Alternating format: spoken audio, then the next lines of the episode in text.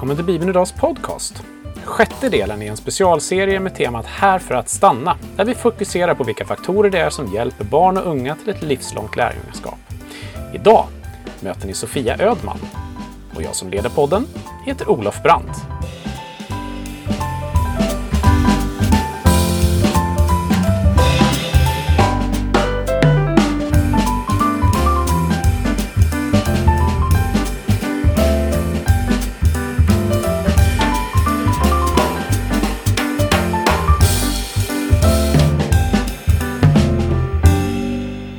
Var ni varmt välkomna tillbaka till Bibeln Idags podcast. Och idag så sitter vi här och ska fortsätta serien om Här för att stanna. Och med oss idag har vi Sofia Ödman. Välkommen till podden! Tack så mycket!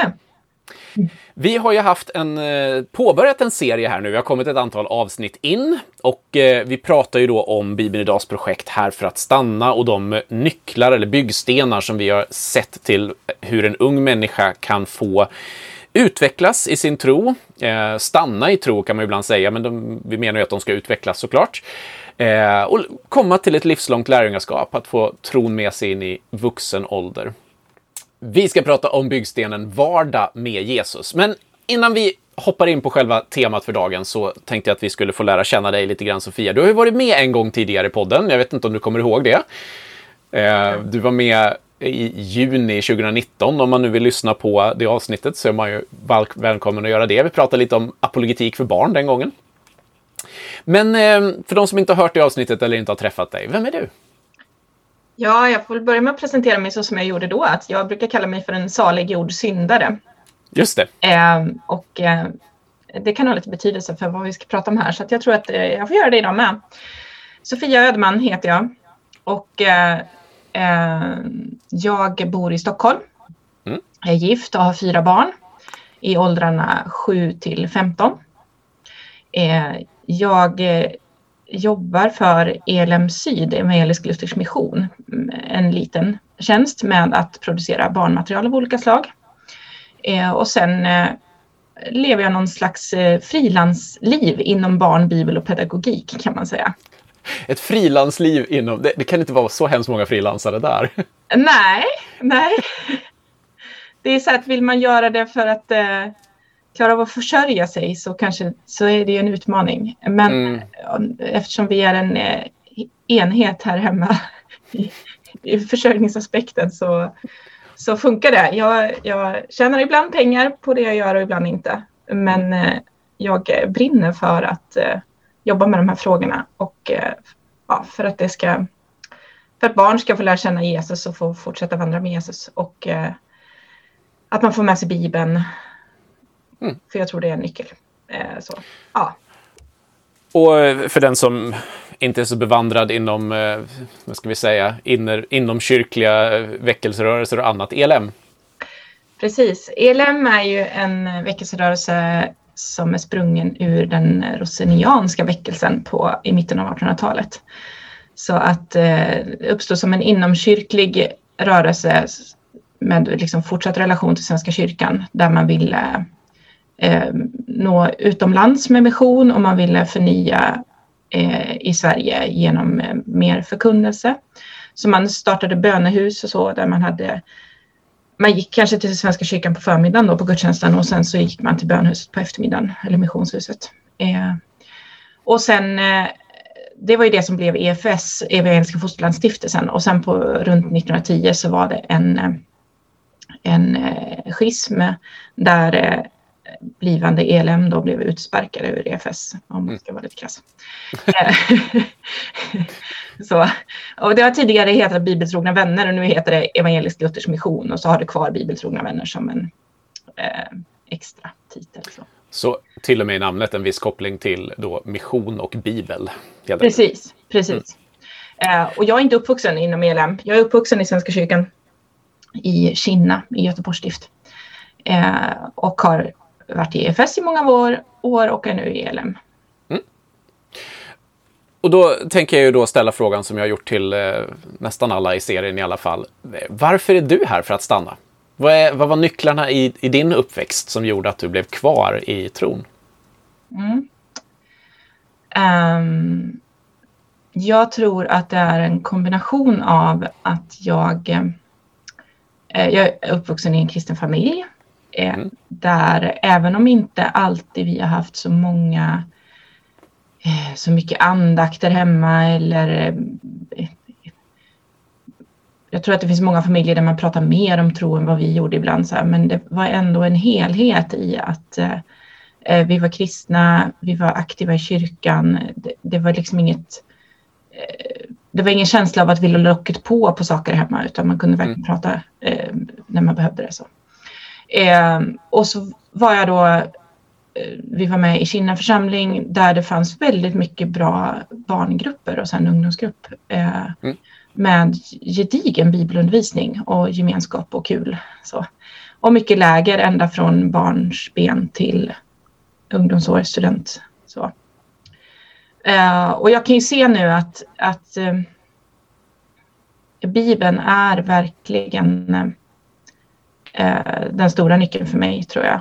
Mm. Jag har fått, tidigt fått en undervisning så att jag har liksom fått grepp om de stora bitarna i Bibelns innehåll. Ehm, jag eh, började själv läsa Bibeln. Jag minns när jag frågade min pappa, jag tror jag gick i sexan, sjuan, så här, vad ska jag börja läsa? Man ska börja läsa själv.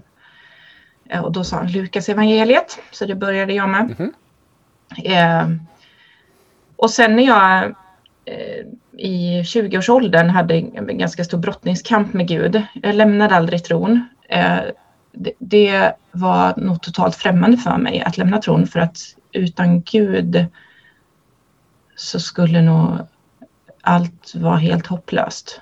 Mm. Men jag kämpade mycket med vad det innebar att följa honom om man var tvungen att följa allt det som jag hade lärt mig i min uppväxt och sådär mm. i Bibeln. Mm. Men då var det återigen eh, omvändelseögonblicket där på något sätt var att eh, jag hade tagit tag i en gammal andaktsbok för jag orkade inte läsa Bibeln mm. eh, bara på egen hand. Liksom så. Så, jag, så jag tog en gammal andaktsbok i pappas bokhylla Eh, och började läsa och en av andakterna var när eh, Jesus har undervisat i Johannes evangeliet och folk runt omkring honom tycker att det blir för magstarkt så de börjar lämna mm. honom. Och då frågar Jesus sina tolv lärjungar, inte vill väl ni också gå? Och då svarar Petrus, eh, Herre till vem skulle vi gå? Du är det eviga livets ord. Och då bröt jag ihop. Därför att det var någonstans där att jag hade fortfarande inte, det var så mycket jag inte hade svar på. Jag hade gjort en massa saker som jag eh, behövde omvända mig ifrån, som var, var fel, både mot mig själv och mot Gud och mot andra. Eh, och jag visste fortfarande inte hur allt skulle lösa sig på något sätt. Men mm. jag såg att jag har ingen annanstans att gå, utan det är Jesus som är svaret och Jesus har uppenbarat sig i skriften. Eh, så. Mm. Så där tror jag, det här Saliggjord syndare var faktiskt en dikt som jag hade skrivit flera år tidigare. Jag gillar allitterationer så jag hade skrivit en dikt på bara S för att beskriva mig själv. Liksom. Men det ligger något i det här att jag eh, har en sån... Jag känner så stor trygghet i att jag är en, en, en syndare. Alltså, jag förtjänar inte Guds nåd. Jag, jag fortsätter göra fel, men jag är samtidigt saliggjord. Han har gjort mig rättfärdig därför att gjort mig hel och, och tagit sig till mig genom vad Jesus har gjort, inte vad jag har lyckats med. Eh, så. Så att, den, både, att få leva med det varje dag på något sätt, att jag är hela tiden i Guds hand, men det brister ändå och jag behöver liksom någon slags daglig omvändelse. Så. Mm. Ja, och sen fortsatte Bibeln påverka mig på massa sätt. Det blev många sådana här... Eh, det blev så stort. Så jag... Jag måste få backa där, ja. där till, mm. till den där eh, genomläsningen, eller jag vet inte ens om du kom igenom, men du började läsa Lukas evangeliet eh, där när, när din pappa sa läs Lukas. Minns du någonting av eh, vad du fick syn på eller upplevde när du läste Lukas? Kommer du ihåg någonting av den genomläsningen eller den den starten? Liksom? Nej, inte... Alltså jag, tror inte jag, jag kan inte minnas några så här aha-upplevelser. Jag tror faktiskt att jag tyckte det var trögare än vad jag mm -hmm. Trodde. Eh, och sen har jag det här, det här är lite så här småpinsamt, men jag, ibland har man så ögonblicksbilder. Och dels var det så att jag hade inte fått eh, jag hade, den egna bibeln jag hade var en 1917 oreviderad. Mm. Eh, eh, den kom också från pappas bokhylla. Men då när jag skulle börja läsa lite mer då fick jag låna en annan av honom eh, som hade då NT 81. Och sen när jag konfirmerade så fick jag ju en bibel av församlingen. Eh, mm. och, och, och jag har för mig att det var en sån här bibel där det var långa rader. Det var inte två spalter utan det var mm. långa mm. rader över sidan. Och det är ganska jobbigt att läsa bibeln med långa rader tyckte jag. och så minns jag att jag satt och läste på dass. Men det, det, kanske kan vara lite befriande på något sätt i vardagskristendom att ibland är det på dass man läser Bibeln. Jag gör det fortfarande ibland. Du hade, hade ett gäng barn där, ja, precis, så att du vet hur ja, du precis. gör med dig. Mm. Mamma, mamma, mamma. Ja. Eh, mm. Eh, nej, så att, ja, sen minns jag lite, några år senare, jag följde Bibeln Idags bibelläsningsplan, de här häftena. Mm. Eh, och det måste varit efter konfirmationen någon gång, för det, det började jag med när jag hade varit på eh, Credos läger, beställdes mm. prenumeration någon gång. Och då minns jag, det var nog nästan gymnasieåldern, att jag, jag läste dem och så var det Jobs bok en period. Och en dag var vi, vi var på semester, vi sov i ett trångt rum, jag och min lilla syster och mamma och pappa. Vi, vi är sex syskon men det var bara vi två som var med och de andra var utflugna typ. Eh, jag låg i en knakig våningssäng och så skulle jag börja läsa och så ändå så var det typ att man skulle läsa sex kapitel i Jobs bok. Wow! Och, och dessutom så börjar den här lilla betraktelsen som finns där med att ja, något i stil med, ja nu kanske du tycker det blir jobbigt att det är så långt, men så, här, så det var uttryckt på ett sätt som man kunde inte låta bli att, ja, ja, jag läser väl då.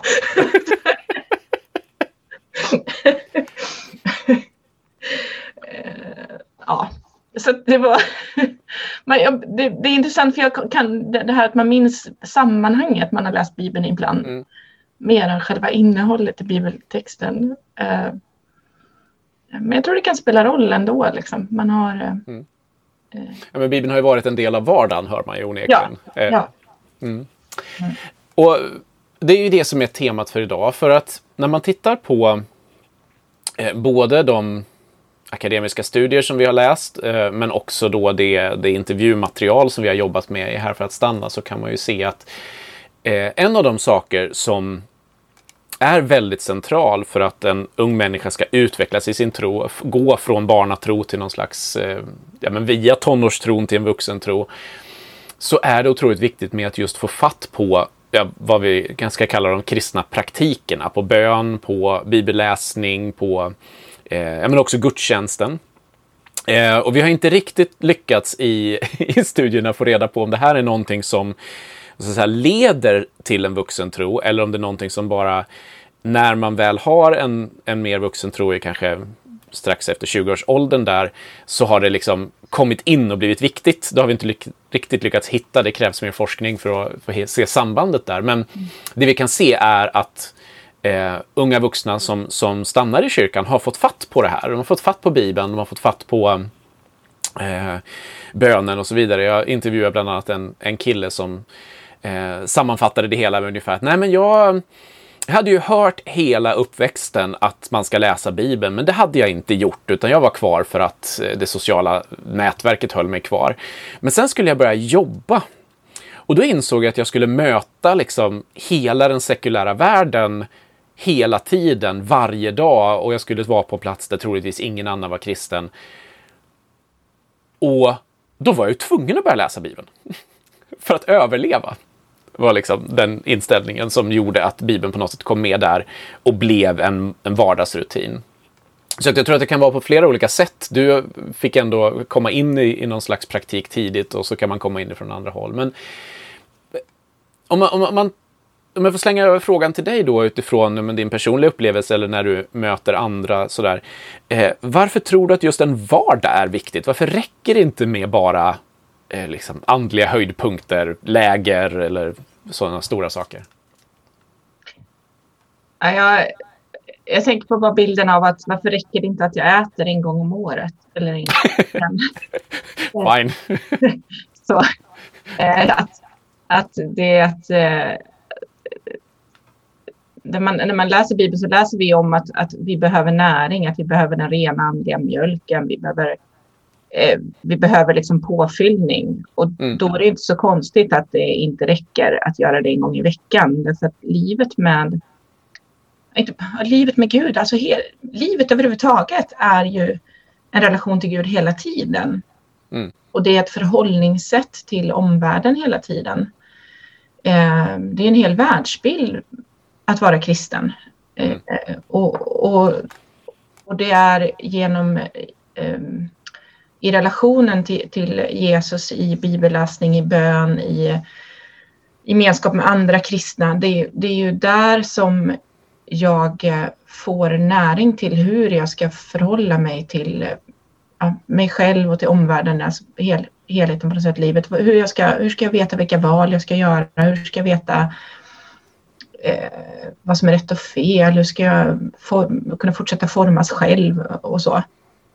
Eh, och eh, ja, så, så jag tror att det, det, det, hela livet är en helhet så därför behövs Jesus, behöver Jesus vara med hela tiden. Och det är, mm. en annan bild är ju också bara det här, ja, men det räcker inte att jag umgås med mina barn eller min make en gång i veckan. Det är ju en pågående relation liksom. Mm. Och, och där är det ganska tydligt, har man haft en, en period då man inte har hunnit prata med sin make eh, ordentligt på länge eh, så är det så mycket lättare att, eh, att det blir konflikt eller att man eh, tänker att nej, jag behöver inte börja prata nu heller. Det är inte så viktigt, liksom. vi klarar oss ändå. Och mm. till slut så, så har man ett äktenskap där man har hamnat jättelångt ifrån varandra. Ja, och så tycker jag att det är med gudsrelationen också, att om jag inte har igång relationen så är det klart att till slut så vet vi inte vad vi ska säga till varandra. Eller Gud vet hela tiden vad man ska säga till oss, men, men vi bryr oss inte längre om att försöka lyssna på honom eller prata med honom. Mm. Mm. Jag, brukar ibland, här, ut, nu vet jag ju att det kommer ur Bibeln, så, så, men, men just den här bilden med maten har jag ibland när jag har pratat med, med ungdomar upplevt som, som problematisk av den enkla anledningen att, att eh, när de hör mig tala om Bibeln som, som föda och som mat och så, så, så tänker man att ja, men jag klarar mig inte utan mat och så vidare. Så kan de ibland säga, jo men jag klarar ju mig utan mat. Alltså jag, eller så här, utan den andliga maten då. Jag menar om, om jag skulle gå en dag utan att äta så skulle de ju liksom känna den här starka hungern, de skulle må dåligt men de kan ju gå en vecka utan att läsa Bibeln. Eh, så därför så vet jag vid något tillfälle så satt jag och pratade med ett gäng ungdomar och då var det någon av dem som tyckte att men, är det inte mer som att man, man borde äta mer grönsaker? Eh, det vill säga om jag låter bli att äta grönsaker en vecka så märks det inte. Men om jag låter bli att äta nyttigt i, i ett år, då minsann märks det. Eh, och så måste jag kanske fylla livet med andra eh, aktiviteter som jag också hatar. Han tyckte inte om att träna. Eh, för att liksom på något sätt kompensera för det där bortfallet av, av att äta nyttigt. Och den där följde med mig efteråt. Ja, jo, det finns ju någonting i det. Det enda jag inte tycker om med den bilden är ju att många av oss kanske eh, tycker att just lägga på 50% grönsaker, det är inte så gott. det var det då som... Eh, bibelläsning kan ju faktiskt smaka gott också, så därför var jag så här, ja, balanserad kost kanske, jag vet inte riktigt. Men, men just den där bilden av att det är någonting som över tid gör eh, och man kanske inte märker det för att det liksom pågår under en tid. Och då, precis som du sa, relationen till maken är väl en jättebra eh, bild på vad som, vad som händer. Ja, och jag tänker det, det, var, det var en bra aspekt på det där med grönsakerna för att visst är det så att eh, det är under lång tid som man märker skillnaden. Mm. Och jag tänker också där ibland att alltså, när vi läser Bibeln också, det är inte alltid det smakar gott. Nej, nej, nej. Är det en invändningsperiod? Det, märker, det tycker jag man märker på ganska många barn. Eller om jag bara tar mig själv. Jag åt inte mycket grönsaker när jag var barn. Och det var mm. en hel del rätter som jag inte åt överhuvudtaget. Så här. Men sen någonstans så händer det ju någonting om det är så att det de facto händer något med smaklökarna eller bara man bara mm mognar, det vet jag inte. Men man börjar ju äta bredare. Det är, tycker jag att de flesta människor verkar göra. När man är vuxen så äter man helt plötsligt saker som man inte åt som barn. Liksom. Eh, och till viss del är ju det också att vänja sig, att man bör, börjar prova. Och eh, vissa smaker är inte goda de första gångerna men, men eh, man växer in i det. Mm. Och nu kanske man, ska man inte hålla på att dra de här bilderna för långt men jag tänker även där med Bibeln att, att om vi börjar läsa den med förväntan att det alltid kommer vara något positivt, att det alltid kommer vara någon emotionell erfarenhet varje gång jag läser Bibeln. Ehm, att jag alltid kommer förstå allt eller att det kommer vara de här direkta tilltalen till mig. Eh, då blir det fel, för det är det inte. Ärligt talat, de flesta gånger jag läser Bibeln, när jag läser dagligen, så säger det mig inte så jättemycket. Mm. Ehm, men jag har varit en stund i ordet. Och på lång sikt tror jag att, att det är avgörande. För det är också när jag är i ordet mycket sammantaget över tid som jag, eh, som ordet också börjar um, påverka mig. Jag börjar minnas det. Alltså när man, när man börjar kunna sin bibel, liksom, mm. då börjar den också tala till mig därför att jag ser helheter eller när det händer något i mitt liv så kommer ett bibelställe tillbaka som jag kanske läste för länge sedan men som då är bekant för mig och som jag behöver just då. Eh, så att eh, jag tror att mycket av, av, bibelläsning i vardagen måste man också tänka över tid. Eh, ja. så. Nu blir vi ju, det är så roligt när man pratar om sådana här saker för att det, nu tänker vi ju, den här serien handlar ju egentligen om hur vi hjälper barn och unga till ett livslångt lärjungaskap. Men med många sådana här saker så blir det ganska snabbt personligt. Mm. Det gäller ju mig också. Och um, jag tänker innan vi går vidare till just eh, hur vi hjälper andra. Eh, om, om man känner när man lyssnar på det här att ja, men åh, kära någon, jag har ju inte det här riktigt. Eller jag skulle vilja komma vidare. Eh, har du några liksom, så här, grundtips som du tänker är en, ja, men ett, ett bra steg att ta för att liksom, komma vidare i sin... Vi kan börja med bibelläsning, för, men jag tänkte också att vi ska eh, återkomma till just till just bönen. Mm. Men eh, om vi börjar i bibelläsningen. Om man, för att, det blir så lätt att, mm, att man på något sätt slutar lyssna för någon annans skull för att man själv hamnar på något sätt i fokus och, och så här, ja men nu bränner det till här. Och det är ju bra om det bränner till. jag vill inte säga det, men, men okej okay då, om, om det nu bränner till för min egen del, vad, vad skulle jag kunna ta för steg? Liksom? Mm. Men om man ska få till en daglig bibelläsning så tror jag mycket handlar om att, att hitta vilken tid och vilken rutin mm. är möjlig för mig att få att funka så att jag verkligen gör det varje dag. Eh, och då kan det ju dels vara att tänka på att börja i det lilla, att det är, vikt, det är kanske viktigare att jag läser två verser i Bibeln än att jag satsar på att jag ska läsa två kapitel mm. och så blir det inte av. Eh, eh, och det andra är att hitta vilken, vilken tid på dagen funkar det praktiskt för mig att läsa. Mm. Ehm, eh, och, ehm, och, och vilken, i vilken form ska jag läsa Bibeln? Ska jag ha en fysisk bibel? Eh, ska jag sitta på en speciell plats i huset? Eh, ska, jag ha, ska jag läsa på mobilappen? Alltså lite så. Eh, och jag tror att, att, att leta upp det, vad kan faktiskt verkligen funka och att börja i det lilla och sen kan man bygga ut. Eh,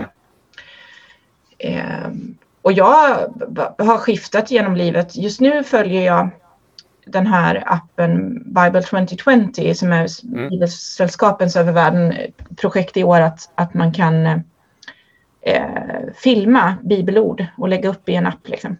Eh, och själva filmningen har fallerat här. Men jag följer den bibelläsningsplanen och det är bara mm. några verser varje dag. Eh, men då har jag faktiskt valt att istället för att sitta med appen så har jag skrivit ut bibelläsningsplanen på papper mm. och så ligger det i en bibel. Eh, och så är det det första jag gör på morgonen när jag kliver upp. Det var faktiskt ett tips från en Bibeln idag-podd med en forskare nere i, i Göteborg. Han var både pastor och forskare. Ja, så han sa det att han, vad är det första skrivna som möter mig på morgonen? Just det. Och då, då hade han valt att låta det vara Bibeln. Och det inspirerade mig. Mm. Så att jag, jag öppnar inte ens telefonen. Eh, och det är innan, jag går upp några minuter innan alla de andra vaknar. Eh, så då, då läser jag de verserna. Eh, mm. så. Och, och det har, funkar ju, den tiden stör inte eh, störs inte av något annat. Liksom, så. Mm. andra perioder när jag, innan jag var gift och var eh, eh, ensam eller jag delade lägenhet med kompisar men, men eh, hade ändå min egen frukostrutin. Liksom så. Då satt jag och läste medan jag åt frukost och läste mängdläsning. Läste många mm. kapitel varje dag utan att stanna upp så mycket utan bara läsa på.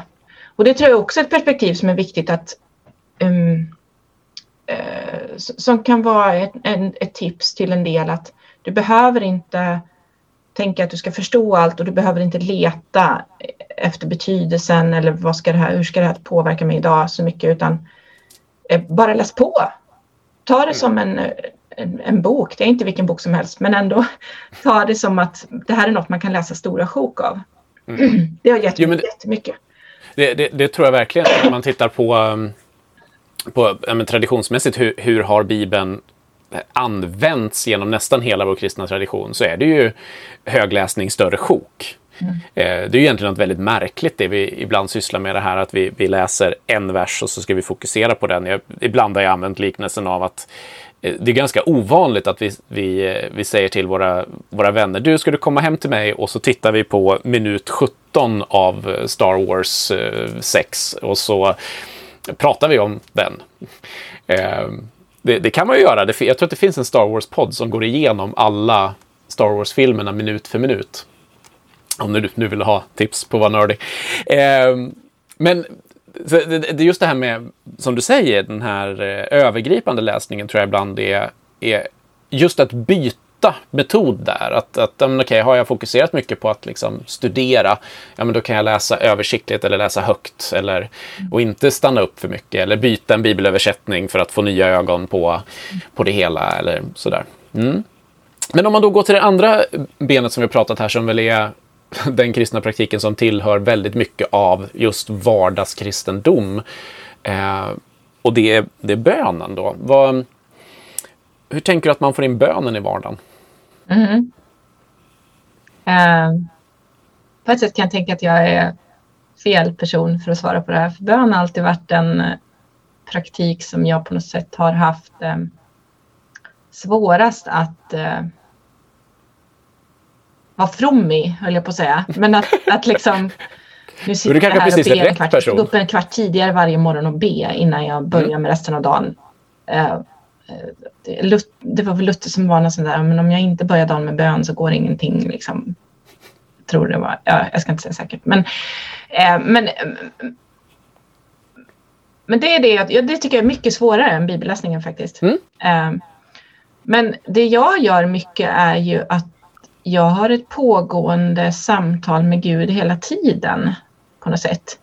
Alltså att, att det blir Eh, att, att ja, men kommer jag tänka på en person, eh, en vän, så, så ber jag en bön för henne mm. när jag kommer att tänka på henne.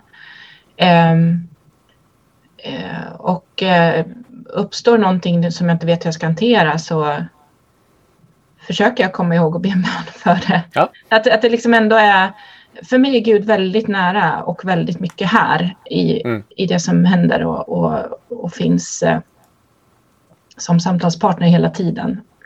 eh, men jag kan tänka att ibland kanske jag överanvänder det och att det blir som att jag rättfärdigar att jag har ju bett genom att jag går och småsnackar med Gud och så missar jag att jag, det vore nog bra ibland att sätta sig ner och vara lite mer fokuserad. Liksom. Mm. Eh, men det får jag ha som en pågående utmaning på något sätt. Mm. Men jag har också, ibland, i perioder så försöker jag skriva listor med bönämnen. Jag älskar mm. listor så att kan man komma på ett system och ha en lista på någonting så är det bra. eh, eh, jag har haft listor för varje dag där jag har eh, liksom skrivit ja, men de här personerna eller ämnena ber jag för på måndagar och de här på tisdagar. Um, vi har ju i vår familj i praktiken att vi ber för maten. Eh, en av dem, en sån här färdig bön. Ofta mm. gode Gud välsigna maten. Amen. Eh, och likadant att vi ber aftonbön. Eh, mm. Gud som haver. Eh, det gör till och med jag och min man. Vi, eh, mm. både, när vi har försökt både med bibelläsning och bön på kvällen tillsammans. Att man ska ta det precis innan man ska lägga sig så nej men det är inte våran grej liksom. Om, mm. om, om det är Bengt som läser högt så somnar jag. och att liksom formulera en massa böner precis som man har lagt sig. Nej, det funkar inte så bra för oss. Liksom. Så att vi ber Gud som haver tillsammans eh, mm. också. Som, som ändå ett liksom, bokslut för dagen på något sätt. Liksom. Så. Mm. Eh, vad mer? Men att, att bön, sjunga, alltså lovsång är ju också en del av bönelivet. Mm. Eh, och där kan jag ju både ibland sätta mig vid pianot själv men också bara att, att jag går och sjunger på sånger. Eh, mm. eh, ja, det var något mer mm. jag tänkte på som jag tappade bort här. Det kanske kommer tillbaka. Ja, kommer det tillbaka så är det bara att hugga. Mm. Fokus i de här poddarna har ju ja, men då dels varit att såklart lyssna in eh, personliga tips men också sen att, att ta riktning utifrån de här två grundstenarna är här för att stanna. Och de två grundstenarna, om ni inte har lyssnat på dem så finns det ju två poddar om det här i arkivet före. Och den ena är ju att det vi har sett i egentligen i hela materialet som vi har tittat på är ju att familjen eller hemmet är otroligt viktig för ett barns utveckling. All utveckling, men då också såklart även utvecklingen i tro. Och den andra aspekten är ju att man behöver relationer över generationsgränserna och som kristen så är ju såklart församlingen otroligt viktig här. Eh, och det vi, det vi har sett är att de här två grundstenarna, de behöver liksom genomsyra och, och, finnas med i alla de här byggstenarna som vi sen lägger på för att skapa något slags hus här.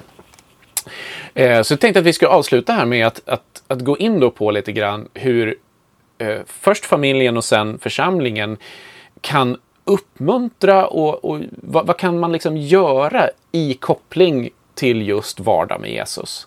Eh, där om vi börjar i hemmet då, nu har du redan gett lite så här bitar av, av, av, tips, men om, om vi kanske går till dig som, som förälder istället. Mm. Eh, hur tänker du att du kan hjälpa dina barn när det gäller just att, att, att ta steg mot en egen vardag med Jesus? Dels är ju en hjälp att, att de ser att eh, jag och min man gör mm. saker. Um, ett annat steg som är det lite principiella övergripande är ju att som förälder bejaka att jag har ett ansvar för barnen i det här. Mm. Så att jag bara är medveten. Liksom. Eh, och då tänker jag att när man, när man blir medveten så, så börjar man ju också då tänka, men hur gör vi och vad, vad kan vi göra? Och där tänker jag att, att ha andakter tillsammans i familjen eh, så att barnen är med och uppfattar bibelläsning och bön. För även om de ser att jag har en bibel och läser i den och det påverkar dem att de ser det så är det ändå inte så att de hör vad jag gör. Alltså mm. vad som verkligen händer när jag läser bibeln eller när jag ber. Så. Så att göra det tillsammans eh, tror jag. Och, och återigen då att, att börja i det lilla. Att, ja, men vilken rutin kan, vi, kan funka praktiskt i vår familj och vad kan vi göra?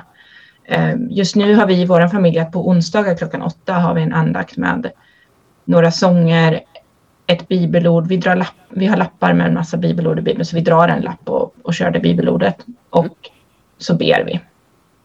Ehm, ehm, eh, eh, och Eh, utöver det så blir det liksom enskilt med varje barn ibland att man både pratar om saker och vid aftonbönen ber extra för saker som, som händer.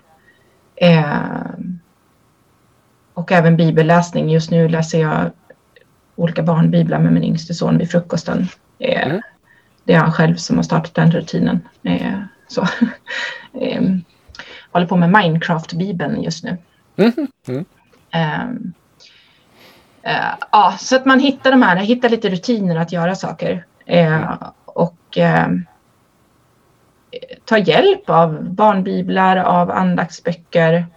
Eh, att göra det även med andra. Nu eh, har, eh, lever vi i en speciell tid där man inte då ses fysiskt lika mycket med andra människor. Men det utgår vi ändå från att vi ska kunna göra på olika sätt. Framåt. Framöver. I den mån som det funkar, att också Mm. träffa andra.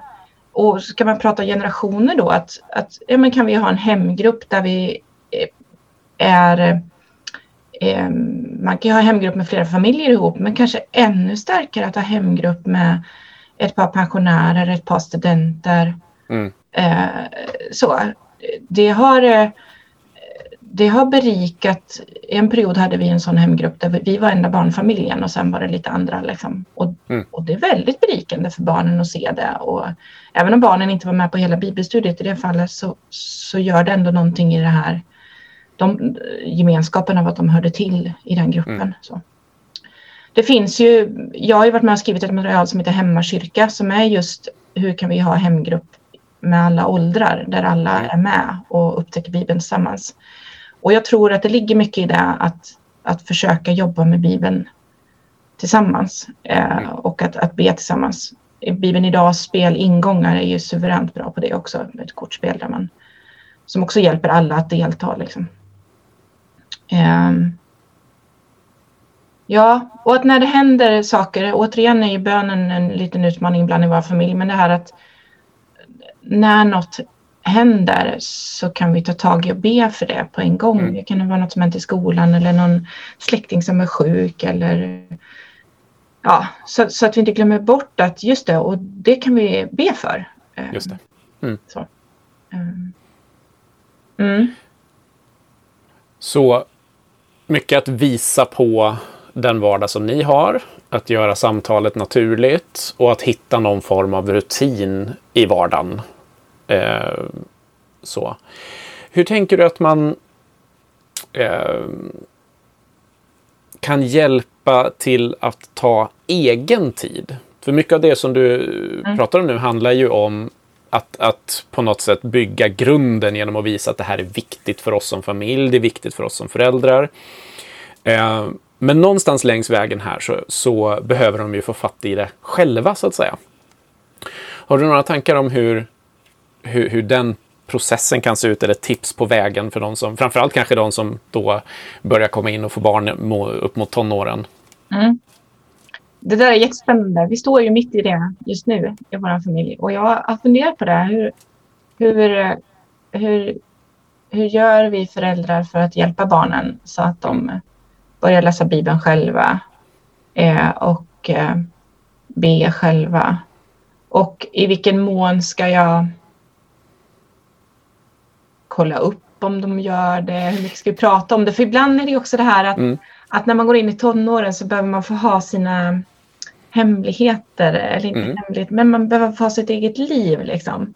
Så Mm. på något sätt handlar det om att hur kan jag stötta så att liksom, när, eh, ramen för det finns, strukturerna för det finns, utan att lägga mig i för mycket på något sätt. Mm.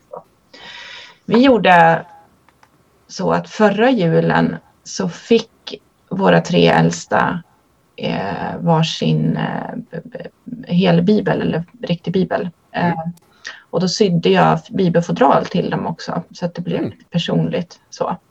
Eh, och, och det hoppades jag skulle vara ett sätt att visa att men här är, här är, det här är min bibel. Liksom. Ja. Inte bara en bibel, det här är min bibel. Ehm, och eh, den, den har de ju med sig. De är ju mellan 11 och 15 och vi har en ganska ung tonårsgrupp i vår kyrka. Så att man är med där från man är 11 just nu. Och då har de ju med sig sin bibel när de Mm. går dit nu. Och eh, jag vet att, att eh, eh, de har försökt läsa på egen hand ibland också. Och fråga, något barn har frågat men vad ska jag börja läsa? Jag tycker det är svårt. Eller, Mm. eh, och någon har upptäckt att ja, det funkar inget bra att läsa på kvällen för jag är för trött. Liksom. Eh, Ja. så eh, så det, är, det är liksom i det här mellanlandet nu liksom, där jag eh, mycket ber också för att de ska komma Mm. igång. Eh, så. Eh, och där är också lite så, jaha men ska vi då, ja just nu har ju inte vi andakt varje dag liksom så Mm. med, med alla. Men där är också då en balans, ska man dra ner på familjeandakterna för att de ska ha utrymme för att läsa själva? Eh, Mm. tycker jag är en intressant fråga också. Vad, vad är... vad, vad ska vara det gemensamma, vad ska vara det enskilda och sådär. Mm. Eh, eh, ja. Och så eh, ett tag hade ett av våra barn för några år sedan en eh, Droppens andaktsbok Glädjehopp. Mm. Droppen är en kristen barntidning som eh, kommit ut i många år och då samlar de ihop andakter för hela året och gjorde till en bok. Liksom. Mm. Eh, och hon läste den eh, varje dag under ganska lång tid. Liksom. Så det handlar lite om att visa på men här finns något som du kan använda och som passar Mm. dig. Liksom. Eh, och där tror jag, där kommer ju församlingen in att det är inte så att föräldrar bara automatiskt vet att ja, men de här och de här böckerna passar för den här åldern och så här ska jag göra det här. Och där tror jag församlingen har en viktig uppgift i att eh, vara inläst på och hänga med och kunna visa på om de här resurserna finns och de tror vi kan passa. Eh, Mm. eh, så. Eh, Det handlar ju mycket också om att följa med i... Alltså en, en bild vi brukar använda är att... Jag kan ju inte rita upp den i podcasten, men eh, där man, om, om man tänker sig vilket typ av inflytande man har som förälder på ett barn så, så börjar det ju när barnet är som allra minst med att du har allt, allt inflytande, du bestämmer allt. Eh, Det är inte så konstigt, man bär bara omkring på dem mest. Eh, och allt eftersom de blir äldre så tappar man mer och mer av det här som vi brukar kalla för maktinflytandet, där du liksom, du bestämmer kort och gott som förälder vad som ska göras. Och någonstans i tonåren så, så, det är klart man har viss makt kvar, men ganska mycket av den rena, nu gör du så här, det tappar man ju. Och någonstans längs vägen, så när de är eh, 18, 19, 20 så flyttar de hemifrån, då har man ingen makt kvar. Utan då har de sitt eget liv. Och då brukar vi rita en annan linje som är den eh, alltså relationella påverkanskraften. Som där i början så har man kanske inte så mycket påverkanskraft rent relationellt. Eh, man bara säger åt dem vad de ska göra i någon, i någon mening eller bara mest bär runt på dem. Men sen växer ju det där förhoppningsvis över åren och någonstans går de där förbi varandra. Där jag kanske inte då kan säga till mitt barn i alla fall inte med något, något, något gott resultat kanske, att nu ska du göra så här. Däremot att visa på eller uppmuntra till, där det får bli det här relationella, vi samtalar om det. Eh, och just den skiftningen i föräldraskapet tror jag kan vara kanske den största utmaningen vi står inför som föräldrar när det gäller tron. För att man är så van vid att man kan som förälder säga, nu äter du dina grönsaker. Eh, men när det gäller Bibeln så behöver man ju, eller relationen i stort till Gud, så behöver man ju komma förbi det. Mm. Eh, det, det håller ju inte att, att de på något sätt under hela uppväxten får höra vad de ska göra. För sen när de flyttar, som de inte har någon egen rutin, så är det borta. Eh, och där tror jag också, som du säger, just steget in i församlingens, till exempel tonårsverksamhet, eh, är, ligger ju helt rätt. För då börjar de här processerna också lyftas ut utanför hemmet.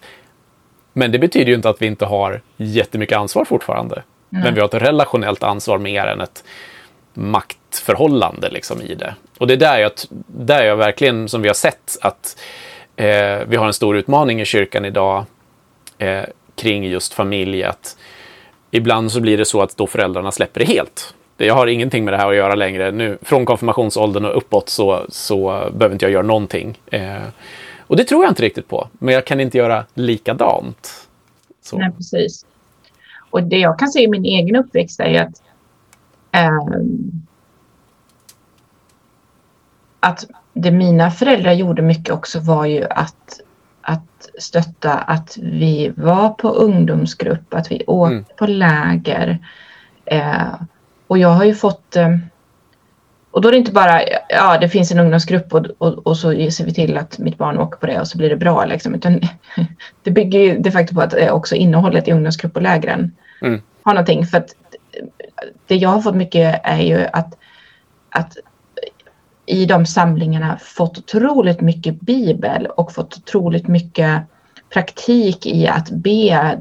Jag minns fortfarande första gången på ungdomsgruppen, vi turades om att ha den avslutande aftonbönen Mm. i ungdomar. Och jag minns fortfarande första gången jag skulle be högt. Jag Mm. skakade av nervositet liksom. men, men att där fanns ju en massa praktiker. Ja. Och när man var på läger så, så fanns det lite det här egen stund, egen tid med Gud fanns. Eller Mm. bara att i undervisningen så relaterar det hela till, en, till att det här är något som lever i din vardag och Bibeln är något som ska vara levande i din vardag. Och i, i aftonböner och gudstjänster och allt att, att ehm, det fanns så mycket andlig praktik som man fick Mm. där. Och, och eh, det hjälpte också att eh, ha med praktiken i vardagen sen. Mm. Eh, eh, så det tror jag att, att, att som förälder när barnen är tonåring så kan man fortfarande hjälpa dem att lotsa om men vilka sammanhang Mm. hjälper jag mina barn in i. Eh, eh, Mm. Och så tror jag, ja. Sen tror jag också att man måste prata om helt, alltså, det blir lätt att bara så här, hur ska vi be, hur ska vi läsa Bibeln? Men det är Ja. också en helhet att prata om livet överhuvudtaget, att prata om eh, hur relaterar eh, olika f- frågor eh, i, i samhället till vem Gud är och till Bibelns undervisning. Eh, så. Mm. Ja. Va- här då, om, om vi nu får teckna drömförsamlingen. Eh, vad, vad tänker du att församlingen har för roll då i, i att hjälpa barn och, och unga till en vardag med Jesus? Vi har ju varit inne på det lite grann där i att församlingen blir viktig kanske i det här eh, steget till att bli en egen individ i tonåren och sådär. Men just vad det gäller vardagsbestyren, för församlingen blir ju lätt eh, höjdpunktsgrejen. Det blir en gång i veckan. Det blir kanske ett läger eller sådär. Men hur, hur tänker du att du skulle se drömscenariot att en församling och, och kanske ungdomsledare eller barnledare eller vad det är jobbar för att ge en vardag? Mm. Dels tänker jag att församling eh, behöver jobba mer mot föräldrarna. Mm. Att i, när man tänker barn och ungdomsverksamhet så tänker man lätt liksom vi ska ha barngrupper och vi ska ha ungdomsgrupper och vi ska prata direkt till dem. Men jag tror att församlingar mycket mer behöver relatera till föräldrarna. Eh, så att de blir rustade, så att de får lärjungaträning. För den, den stora delen av tiden så är det föräldrarna som barnen ser och inte sina ledare i kyrkan. Mm. Eh, så det, det ser jag framför mig att, att församlingen får växa in i ett lite annat tänk av, av hur vi eh, vi ska fortfarande ha samma vision om att nå barnen och ungdomarna men vi måste ha ett annat tänk med vad som är vägen dit. Liksom, på något sätt. Mm. Eller för att de ska stanna i tron. Eh, sen tror jag också det vi var inne på lite innan med generationsöverskridande. Att, att eh, jag tror att församlingar behöver ännu mer jobba på att eh, vi verkligen umgås mellan generationerna, att vi lär känna varandra. Där, eh, där har ju i min familj eh, kan jag ju se på våra barn hur mycket det betyder med andra generationer i församlingen. Mm. När vi tidigare var med i, i Betlehemskyrkan i EFS i Stockholm, då,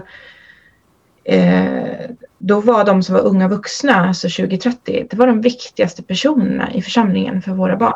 Det var de de hängde mest med. Eh, eh, och jag tänker att det betyder jättemycket för dem att få se de här 20-30-åringarna. Och där handlar det om från våra barn föddes tills de blev 10 någonting. Mm. Så det är inte tonåren, det är också en viktig period att få se upp till Ja. unga vuxna. Men alltså det var jättevärdefullt. Och likadant nu i Roseniakyrkan så, så är det jätteviktigt med pensionärerna för våra Mm. barn. Eh, Vi har inte våra, jag och min man har inte våra föräldrar här i närheten. Så vi ses ju inte varje vecka. Vi ses liksom med något kvartals mellanrum sådär. Så då blir ju liksom att få ha en extra mormor eller en extra farfar Mm. i kyrkan jättevärdefullt. Och där jag ser att, att vissa av de här äldre som verkligen em, njuter lika mycket av att ha ett extra barnbarn eh, Mm. och verkligen relatera till barnet och in, eh, ja, bygger upp en egen relation med ett barn. Liksom. Mm. Det är jättemycket. Och likadant eh, att, att få ha, umgås med en annan familj. Eh, Något av våra barn relaterar jättemycket till en småbarnsfamilj i församlingen. Eh, och, och, får ett utbyte både av att hon faktiskt är ett stort stöd för den familjen, för när de är inne i kyrkan då hjälper hon till att ta hand om barnen. Men också åt andra hållet att hon får ju en förebild i vad det är att vara mamma och att vara småbarnsfamilj och ja. hela biten. Um, ja, så att jag, de här generationerna uh, tror jag spelar stor roll. Mm. Och där tror jag vi som församling kan bygga mycket mer i framtiden på, på att inte bara se varandra på söndagarna utan att faktiskt umgås med varandra. Mm. Uh.